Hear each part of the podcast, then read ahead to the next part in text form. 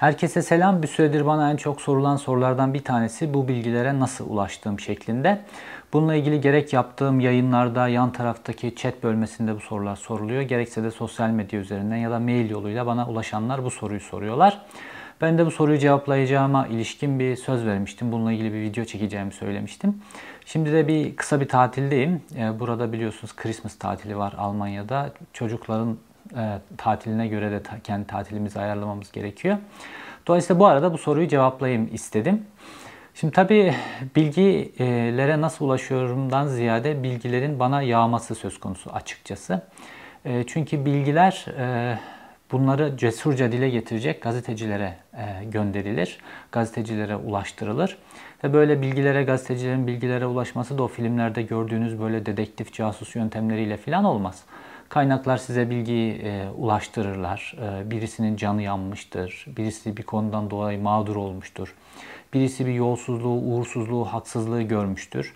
E, bunu dile getirmek istiyordur fakat kendisi dile getirince etkili olmayacaktır. Dolayısıyla bunu etkili bir gazeteciye ulaştırmak ister. Ve bunu istediğinde de bunu cesurca, korkusuzca dile getirecek bir gazeteci arayışına girer ve ona iletir. Ve siz de o bilgiyi alırsınız. Kendi kaynaklarınızdan teyit etmeye çalışırsınız derinleştirmeye çalışırsınız. Sorularınız olur, başka kaynaklarınıza sorularınız olur vesaire ve sonuçta bir dosya ortaya çıkar. Benim de sürecim bu şekilde. Şimdi benim tabii e, Türkiye'de belli alanlar içerisinde gazetecilik yapıyordum muhabirken. Daha sonra da işte yavaş yavaş yönetici kademesine geçtikten sonra da yine tabii ki kendi alanlarımda haber yapmaya devam ettim. Fakat yönetici noktasına gelince birazcık daha artık masanın bu tarafında oluyorsunuz. E, fakat e, beni sıfırladıklarında tekrar e, işte meşhur tutuklandıktan ve 15 Temmuz sürecinden sonra sıfırladıktan sonra gazeteciliğe yeniden muhabir olarak başladım. Ve tabii ilk e, etapta da çok fazla insan hakları ihlalleri ile ilgili haber yaptım. Çünkü özellikle 2015, 2016, 2017, 2018 süreçlerinde çok yoğun biçimde, aşırı biçimde Türkiye'de insan hakları ihlalleri yaşanıyordu. Özellikle de işkenceyle ilgili. Bunun sonrasında tabii ki ben yine kendi alanlarıma döndüm. Buna işte suç ve suçla ilgili alanlar genel olarak e, işte yeraltı dünyası ile ilgili konular, yolsuzlukla ilgili konular, e, işte siyasetin içerisine nüfuz eden suç vesaire bunlarla ilgili konular. Ve tabii ki mevcut iktidarın kendisi büyük bir organize suç örgütüne dönüştüğü için iktidarın bütün faaliyetleri de aynı zamanda benim gazetecilik alanımın içerisine girdi. Bu yoğun insan hakları ihlalleriyle ilgili yaptığım haber sürecinden sonra yavaş yavaş kendi alanlarıma döndüm. Çünkü bu alanda artık başka gazeteciler de yazmaya başlamıştı ve ben kendi alanım bana açıkçası daha e, iyi bildiğim bir alan, daha iyi haber yapabildiğim bir alan ve o alana döndüm. Sonrasında tabii güveni yeniden inşa etmeniz gerekiyor. Çünkü bir süre yöneticiliğe geçtiğiniz arada muhabirlikten kopmuşsunuz filan, haber kaynaklarınızla ilişkileriniz kopmuş. Bu güveni inşa edebilece edebileceğimi düşünüyordum ve inşa da ettim e, açıkçası. Çünkü ben hani bana ulaşan haber kaynaklarının güvenliğine kendi güvenliğinden daha çok dikkat ederim. Onların deşifre e, olması söz konusuysa o haberi hiç yapmam.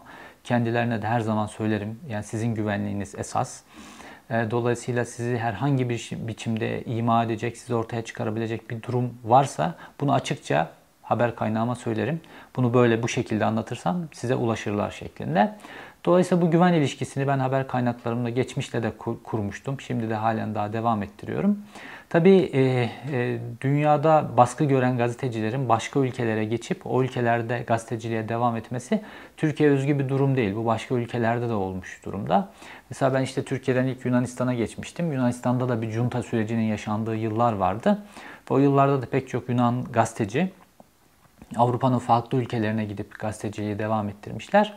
Tabii pek çok zorlukla da karşılaştırmışlar. İşte haber kaynaklarına ulaşmada telefon yöntemini kullanmak riskli. Ee, ondan sonra yazdıkları haberleri internet yok. Onları işte e, sınırlardan geçirmişler, bastırıp e, bazı broşürler, gazete benzeri şeyler ya da işte uzun dalga radyolar biliyorsunuz dünyada bu baskı süreçlerini delme açısından çok kullanılmıştı geçmişte. Bu tip hadiseler hep olmuş. E, yani başka ülkelerden kendi halkı için gazetecilik yapmaya devam eden gazeteciler hep olmuş geçmişte. Fakat şimdi günümüzde bize internet, internet teknolojileri e, çok büyük bir imkan tanıyor. Hem ülkedeki gelişmeleri internet üzerinden yakından takip edebiliyorsunuz hem de internetin bize sağladığı sayısız aplikasyon sayesinde haber kaynaklarıyla güvenli biçimde iletişim kurup e, bu şekilde bilgileri elde edebiliyorsunuz. Aynı zamanda ulaşım, bazı önemli dosyalarda ulaşım konuları da kolay artık. Dünyada eskisi gibi değil. Dolayısıyla e, haber kaynaklarına ulaşma, bunları teyit etmede vesaire Türkiye'de de yaşadığım süreçlerle eş düzeyde bir zorluk yaşadığımı söyleyebilirim. Aynı şekilde Türkiye'de de insanlara ulaşıp teyit etmek için bir sürü yol deniyordunuz. Şimdi aynı şekilde benzer yollar deniyorum. Tabi bu haber kaynakları çeşitli, çok çeşitlendi. Özellikle de Türkiye'de yaşayan meslektaşlarım çok ağır baskı altında oldukları için herhangi bir konuyu böyle benim kadar cesur, açık dile getirdikleri zaman ertesi gün Silivri'yi boyluyorlar biliyorsunuz. Dolayısıyla büyük bir boşluk alanı oluştu. Ve bu boşluk alanında da insanlar bilgileri ulaştırmak istediklerinde yurt dışındaki gazetecilere doğal olarak yöneldiler. Bunu başka gazetecilerden de görüyorsunuz. Bu doğal bir şey. Türkiye'deki meslektaşlarımın baskı altında olması nedeniyle. Tabi bu süreçlerde farklı insanlar, farklı kesimlerden, farklı mesleklerden, farklı gruplardan insanlar bana ulaştılar. Bunun benim inşa ettiğim, inşa etmeye çalıştığım güven ilişkisiyle ilgili olduğunu düşünüyorum. Ve halkın, kamunun yararı için gösterdiğim cesaretle, göstermeye çalıştığım daha doğrusu cesaretle ilişkili olduğunu düşünüyorum. Ve işte hani çok merak ediliyor devletin içerisinden sana böyle kozmik filan böyle filan komplo teorileri filan kuruluyor. Böyle değil aslında. Devletin içerisinde, kamunun içerisinde halen daha çok e, dürüst, e, gidişattan memnun olmayan, gözlerin önünde yolsuzluklar, haksızlıklar, vurgunlar yapılan, suçlar işlenen ve bunlara karşı kendi görev alanında e, görevinin gerekliliklerini yapamayan bürokratlar var, memurlar var, savcılar var, polisler var, herkes var. E, uzman çavuşundan tutun da bilmem neresine kadar bunlar görüyorlar bu durumları. Ve dolayısıyla da bu tip farklı mesleklerden insanlar, halen kamu personeli olan insanlar da benimle aynı düşünceyi paylaşmasalar da e, bu haksızlığı objektif biçimde e, gördükleri vurgunları, yolsuzlukları objektif biçimde dile getireceğime inandıkları için bu haberleri bana iletiyorlar, bilgileri bana iletiyorlar. E, bazen teyit etmem gerektiğinde bana teyit mekanizmalarını işletiyorlar. Bunun dışında yeraltı dünyasından çeşitli mafya gruplarının içerisinden insanlar. Bunlar bazen kendi grupları ile ilgili çıkar meselesi olduğu için size bil. Çünkü gazetecilikte genelde şöyledir. Bir grubun e, çıkarına e, olan konuyla ilgili o grup e, kendisiyle ilgili bilgi aktarır. Çünkü diğer grubun aleyhinedir. Fakat siz burada yapmanız gereken şey size aktardığı bu diğer grubun aleyhine olan durum durumu tam olarak objektif olarak aktarmış mı, bir yerde manipülasyon yapmış mı, yapmamış mı vesaire bunları çek etmeye çalışmak. Bu süreç yani uzun sürüyor. Ve bana gelen bilgilerde de aslında hani bu bilgilere nereden ulaşıyorsunuz diyorsunuz ya. Yani bilgiye ulaşmakta sorun yok. Bilgi yağıyor aslına bakarsanız. Fakat bunları teyit etmek e, mesele, bunlara yetişmek mesele. O kadar çok insan bazen kendi kişisel yaşadıkları bir esnaf mesele o kadar büyük haksızlığa uğramış ki yani büyük fotoğrafın içerisinde küçük bir parça olabilir ama ömrünü vermiş o işe. Bir noktaya getirmiş ve biri gelmiş onun malının üzerine çökmüş, dükkanın üzerine çökmüş, iyi işleyen dükkanına çökmüş vesaire. Bu haksızlık vesaire bunu dile getiriyor. Bir çok küçük bir hikaye kalıyor fakat bunun da teyit edilmesi lazım gibi. Ve büyük, büyük hikayelerin peşinden koşuyorsunuz ister istemez gazetecilikte. Ve ben şunu gördüm. Şu an Türkiye'de çok fazla haksızlığa uğrayan insanlar var. Ve bu insanlar artık patlama noktasına gelmişler. Kamuda, özel sektörde, hayatın her alanında ve bunlar bu haksızlıkları bir şekilde dile getirmek istiyorlar ve bunu dile getirecek de mecra arayışındalar. İşte burada gazetecilikte çok büyük bir boşluk olduğu gözüküyor. İnsanların güvenebilecekleri medya organları kalmadı maalesef. Büyük medya organlarından bahsediyorum. Dolayısıyla da bireysel gazeteciliğe yöneldiler. Bu dünyada da böyle aslına bakarsanız. Dünyada da artık medya kurumları böyle artık suçun neredeyse odağı olan bu çok uluslu şirketler var ya her birinin değeri bir devlet kadar olan şirketler. Bunlar da çok fazla mali suçlara vesaire ulaşıyorlar. Fakat bunlar o kadar büyük reklam veren ki medya kurumları artık bunlar aleyhine haber yapmıyorlar. Mesela bir yerde çevreyi kirletiyor fakat bununla ilgili haber yapmıyor. E çünkü ondan çok büyük reklam alıyor. Dolayısıyla da bireysel gazeteciliğin çok yükseldiği bir dönemin içerisinden geçiyoruz. Bu geçtiğimiz yıllarda Reuters'ın sürekli her sene yayınladığı bir yıllık medya raporu var. Bunda da dile getirilmişti. Bu bireysel gazetecilik yani insanların doğrudan bir medya kurumundan ziyade bir muhabire, bir yazara e, güvenme e, süreçleri 1990 1900'lü yılların başında olan bir süreçti.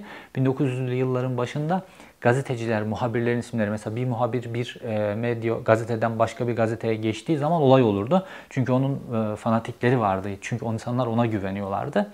Aynı şekilde günümüz dünyasında da işte 1900'lere dönüldüğünü söylüyordu Reuters raporu. Ve böyle bireysel gazetecilerin öne geçtiği e, bir dönemden geçiyoruz. Patron yok. Sizin üzerinizde baskı kurabilecek bir mekanizma yok. E, evinizde çorba kaynıyorsa, kendi gelirinizi elde edebiliyorsanız bununla ilgili enstrümanlar da oluştu günümüz dünyasında. İşte Patreon var, YouTube'dan katıl butonu var. Ondan sonra YouTube'dan vesaire sizi izledikçe sizin kazandığınız gelirler var vesaire. Bunlarla hayatınızı hepsini birleştirdiğinizde devam ettirebiliyorsunuz bir şekilde. Dolayısıyla da bir patron, e, herhangi bir baskı mekanizması sizi etkilemiyor. Bu bir devlet olabilir, birçok uluslu şirket olabilir, bir mafya organizasyonu olabilir. Sizi etkilemiyor çünkü o kurumsallaşmanın verdiği bağlayıcılıktan da kurtuluyorsunuz aynı zamanda.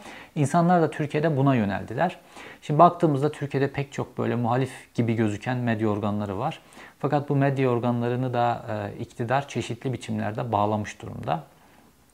Baktığımızda mesela işte iktidarın esas canını acıtacak ve iktidara oy kaybettiren e, meseleler var. Bu meseleler kırmızı çizgi Tayyip Erdoğan açısından. Mesela yolsuzluk, mesela yaşadıkları lüks hayatlar, bunların ifşa edilmesi, e, kamu ihalelerindeki o büyük vurgunlar, bunların hiçbir biçimde dile getirilmemesini istiyor iktidar. Ve baktığımızda iktidar şöyle bir muhalefetten memnun, şöyle bir muhalif gazetecilikten memnun iktidar.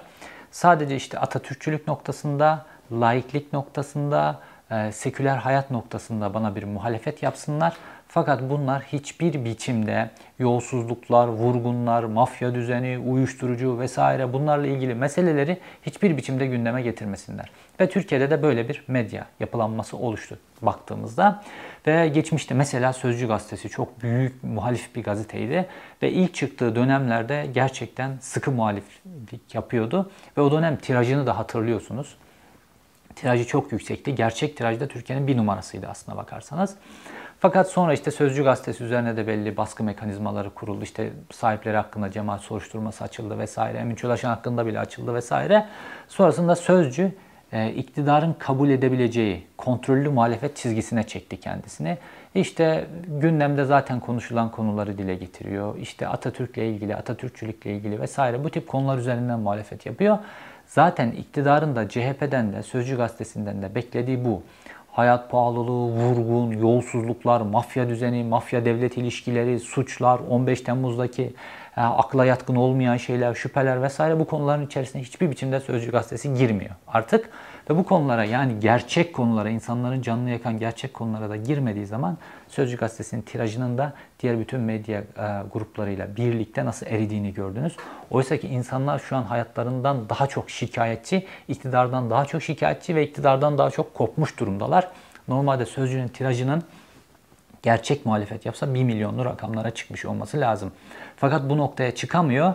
İşte dediğim gibi kendisini kontrollü muhaliflik noktasına çektiği için. E, Cumhuriyet Gazetesi'ne baktığımızda Cumhuriyet Gazetesi de ondan beter. Biliyorsunuz Cumhuriyet Gazetesi'nin aslında bunları da ayrı bir e, konu yapmak lazım. Cumhuriyet Gazetesi'nin yönetimi e, ele geçirildi. Yani Cumhuriyet e, Vakfı'nın içerisinde bir darbe gerçekleştirildi, bir yargı darbesi. Bu darbeyi iktidarla birlikte yaptılar ve Cumhuriyet Gazetesi'nden Cumhuriyet Gazetesi'ni çok sıkı bir gazete yapan kadroyu uzaklaştırdılar ve işte Cumhuriyet Gazetesi'nin başına şu an bir kadro getirdiler ve o kadro daha geçtiğimiz ay gazetede insan hakları ihlalleriyle ilgili işkence vesaire konularında haber girişini yasakladı. Utanç duyulacak bir şey. Ve Cumhuriyet Gazetesi ne çizgiye çekildi? İşte tamamen laiklik, Kemalizm, Atatürkçülük üzerinden eleştiri yapan bir noktaya çekti kendisini. Ve tirajı da ona göre zaten erimiş ve etkisizleşmiş bir duruma geldi. Fakat orada da ne oldu? Küçük olsun bizim olsun zihniyetiyle Cumhuriyet Gazetesi de orada iktidarla birlikte bir yargı darbesi yapıp Cumhuriyet Vakfı'nın yönetimini ele geçirdiler. Ve şimdi işte görüyorsunuz her gün belki medya sitelerini takip ediyor musunuz bilmiyorum. Muhabirinden yazara her gün Cumhuriyet Gazetesi'nden istifalar oluyor.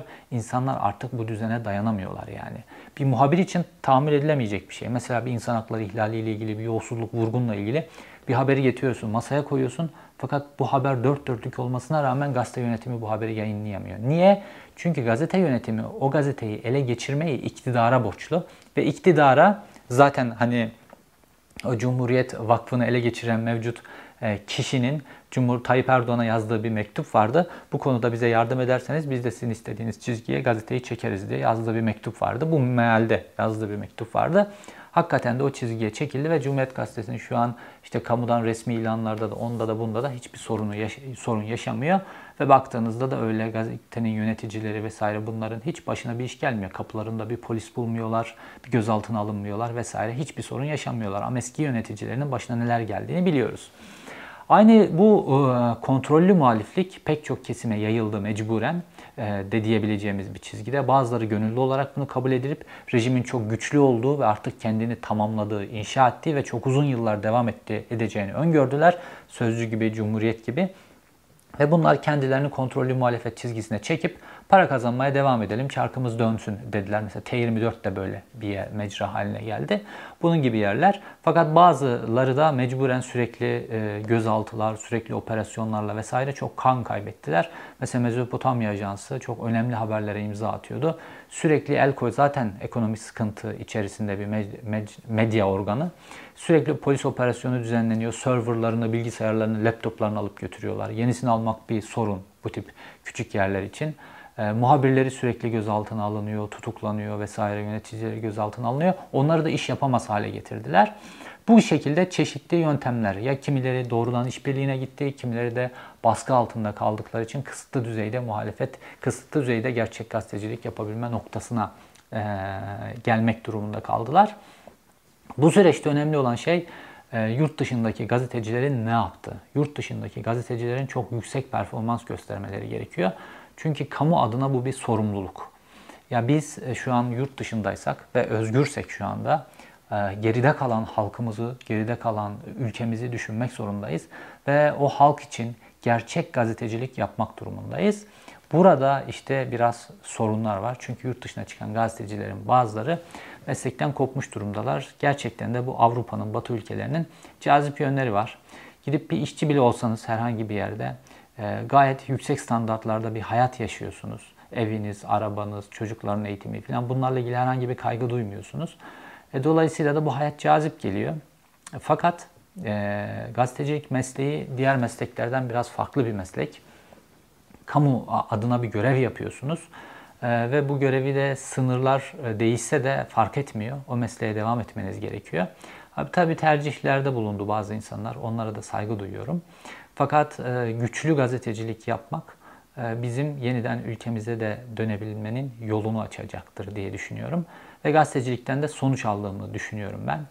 Yaptığım videoların pek çoğu ülkede gündem olduğu, farklı kesimler tarafından, muhalefet partileri tarafından dile getirildi. Beni anmasalar da konular dile getirildi ve etkili bir gazetecilik noktasına kadar ilerledi işler.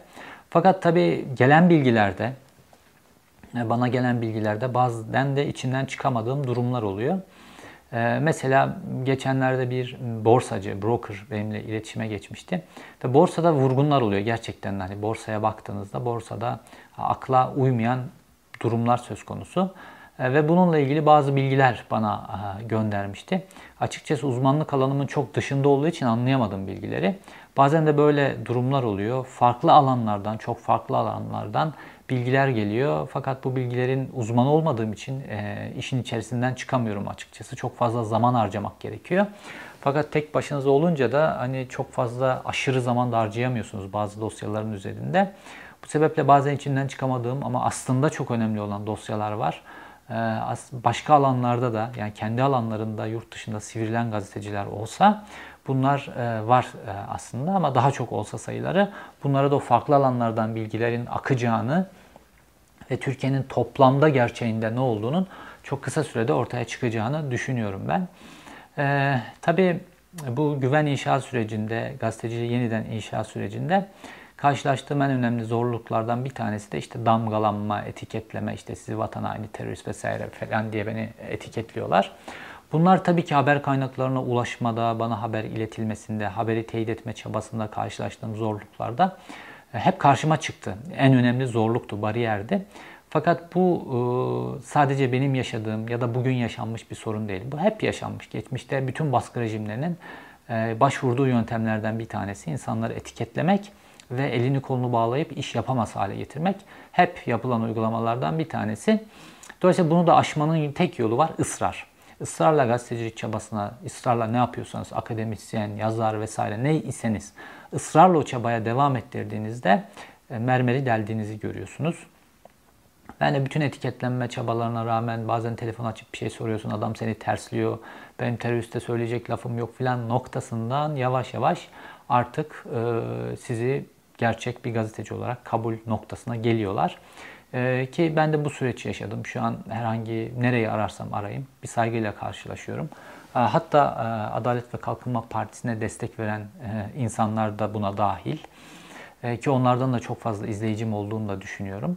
Ee, ve e, AKP, AK'ye destek verdiğini açık açık söyleyip buna rağmen bana bazı konularda haberler ileten çünkü bazı konularda haksızlıklara göz yummak istemiyor. Ee, yani Adalet ve Kalkınma Partisi'ni farklı sebepler nedeniyle destekliyor olabilir ama ülkenin soyulması ya da bir konudaki haksızlık vesaire bu konularda da kendi gözüyle gördüğü somut olaylarda dayanamıyor ve bunu kime iletecek, kime iletecek? belki normal kişisel arkadaşlar arası konuşmalarında işte vatan haini falan dediği kişiye iletmek zorunda kalıyor. Çünkü işinizi doğru yaparsanız, bu ısrarda sürekli devam ederseniz bu noktaya geliyorsunuz. Dolayısıyla o kesimden de bilgiler geliyor açıkçası. E, fakat buna karşı ben direndim, bu etiketlenmeye karşı ben direndim. E, baktığımızda geçmiş rejimlerin hepsinde de işte bu Almanya'da böyle sürekli hep böyle insanlara hatırlatılır mesela Hitler, Hitler rejimi. Ya orada da mesela kullanılan yöntemler tamamen aynı. İşte Yahudi diye bir kavram mesela böyle hep. İşte Yahudi paramızı çaldı, Yahudi ekonomiyi bozdu, Yahudi ülkenin gelişmesini engelledi, Yahudi ülkede bozgunculuk yaptı, Yahudi ülkemizin büyümesini engelledi. Hep böyle bir tekil şahıs, Yahudi diye bir tekil şahıs, böyle hani sanki bir iki tane Yahudi yapmış gibi böyle bir tekil şahıs e, uydurulmuş ve bunun üzerinden propaganda, ders kitaplarına kadar, medyaya, her alana kadar yayla yayla yayla artık bir grup insan önce kilitlenmiş Ondan sonra da onu soykırıma doğru götüren bir sürecin altyapısı bu şekilde oluşturulmuş. O dönemde e, tabii ki Almanya'da buna direnen gazeteciler, aydınlar, yazarlar olmuş. Bunlar hayatlarını kaybetmişler, ülkeyi terk etmek durumunda kalmışlar vesaire. Fakat sonunda bu rejim devrilmiş. E, bu rejim devrildikten sonra da bugün işte dünyanın en gelişmiş demokrasilerden, en gelişmiş ekonomilerinden bir tanesinin tekrar inşasında ülkelerine gelip e, bu görevi devralmışlar ki Türkiye'ye de gelen çok sayıda akademisyen aynı şekilde savaş sonrasında ülkelerine gelip ülkenin yeniden inşasında görev almışlar. Tabi e, Erdoğan rejimi de bu şekilde işte sürekli olarak değiştirdiği e, kavramlar e, üretti. İşte bazı kesimleri nitelemek için bazı gruplar içerisinde kefere filan gibi kavramlar kullanıyor. Bazı yerde vatan haini kullanıyor, bazı yerde terörist kullanıyor vesaire. Sürekli böyle değiştirdiği fakat farklı alanlarda farklı jargonlarda kullandığı etiketlemeler var. Bu etiketlemelere baktığımızda bazen muhalifle, muhaliflerin de, muhalif kesimlerin de bu etiketlemeleri kullandığını görüyoruz. Çünkü rejim çok güçlü. İster istemez rejimin jargonuna kendilerini teslim ediyorlar. O jargonu delecek, o dili delecek söylemleri inşa etmek zor bir şey. Buna cesaret etmek zor bir şey. Bunu kullanıyorlar. Fakat önemli olan iktidarın sizi kapatmak istediği çerçevenin içerisinde kalmamak. Yani size biçtikleri rolü kabul etmemek. İşte size biçtikleri rolü kabul etmediğiniz andan itibaren de etkili bir mecra üretmiş oluyorsunuz ve halkta da bunun karşılığı oluyor.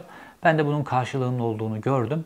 Bunun karşılığı işte herkesin merak ettiği bu bilgilere sen nasıl ulaşıyorsun? Türkiye'deki gazeteciler ulaşamazsa noktası işte burada başlıyor. Ee, cesaretle, kararlılıkla, dürüstlükle, gazeteciliğin kurallarına uyarak ilerlediğinizde e, bilgiye ulaşmak çok zor bir şey değil. Çünkü bugün Türkiye'sinde her gün o kadar büyük skandallar yaşanıyor ki bunlara gazetecilik e, gazetecilerin yetişmesi mümkün değil normal şartlarda. Ama bayiden gidip bir tane gazete aldığınızda hiçbir şey görmüyorsunuz bu skandallara ilişkin. E, dolayısıyla da insanlar artık bayiye gidip gazete almıyorlar. Gazetelerin tirajları dibe düşmüş vaziyette. O büyük şaşalı gazeteler görüyorsunuz ya mesela böyle Hürriyet, Sabah bilmem ne falan filan.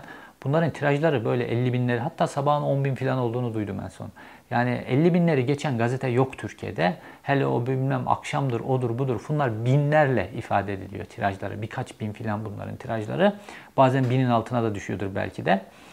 E işte Sözcü gibi vesaire birkaç gazetenin belki birazcık tirajı yüksek. Fakat bu da çaresizlikten e, olan hadiseler. Dolayısıyla e, normal medya, konvansiyonel medya kendini imha etti. Ben Nokta dergisini yeniden çıkardığımız süreçte de bunu gördüm. Türkiye'de dergicilik öylesine acımasız bir rekabetin içerisine girmiş. Bu rekabet sürecinde gazetecilikle ilgili ilkeleri, ahlaki kuralları, gazeteci basın meslek ilkelerini o kadar paspas etmiş ki dergicilik Türkiye'de kendini yok etmiş.